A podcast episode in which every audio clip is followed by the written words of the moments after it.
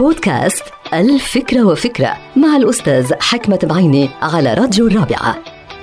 إن الفرق بين السعادة المبنية على الملذات الجسدية والسعادة المبنية على الإنجازات الإنسانية هو أن السعادة في الحالة الأولى تفتح الطريق لنا لنشعر بالفرح والسرور فيما السعادة في الحالة الثانية تعبد لنا تلك الطريق للشعور بلذة الحياة وسحر الحياة وجمال الحياة.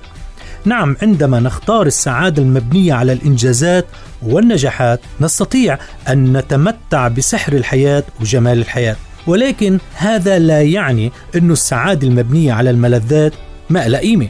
لقد تبين أن الإنسان بحاجة إلى الملذات الجسدية والمادية للعبور أحيانا من ضغط الحياة والعمل إلى مرحلة الهدوء والسكينة. فلا يجوز أن نحصر السعادة بالإنجازات فقط أو العطاءات أو النجاحات الشخصية والمهنية بل علينا أن نختبر المراحل التي تمر بها السعادة وأركان السعادة في كل مكان وزمان.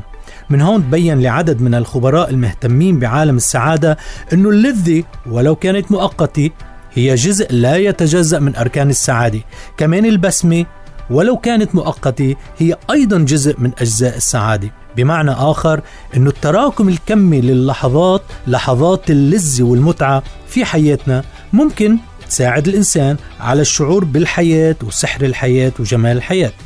وبهالمعنى تتساوى الملذات والإنجازات إلى حد ما.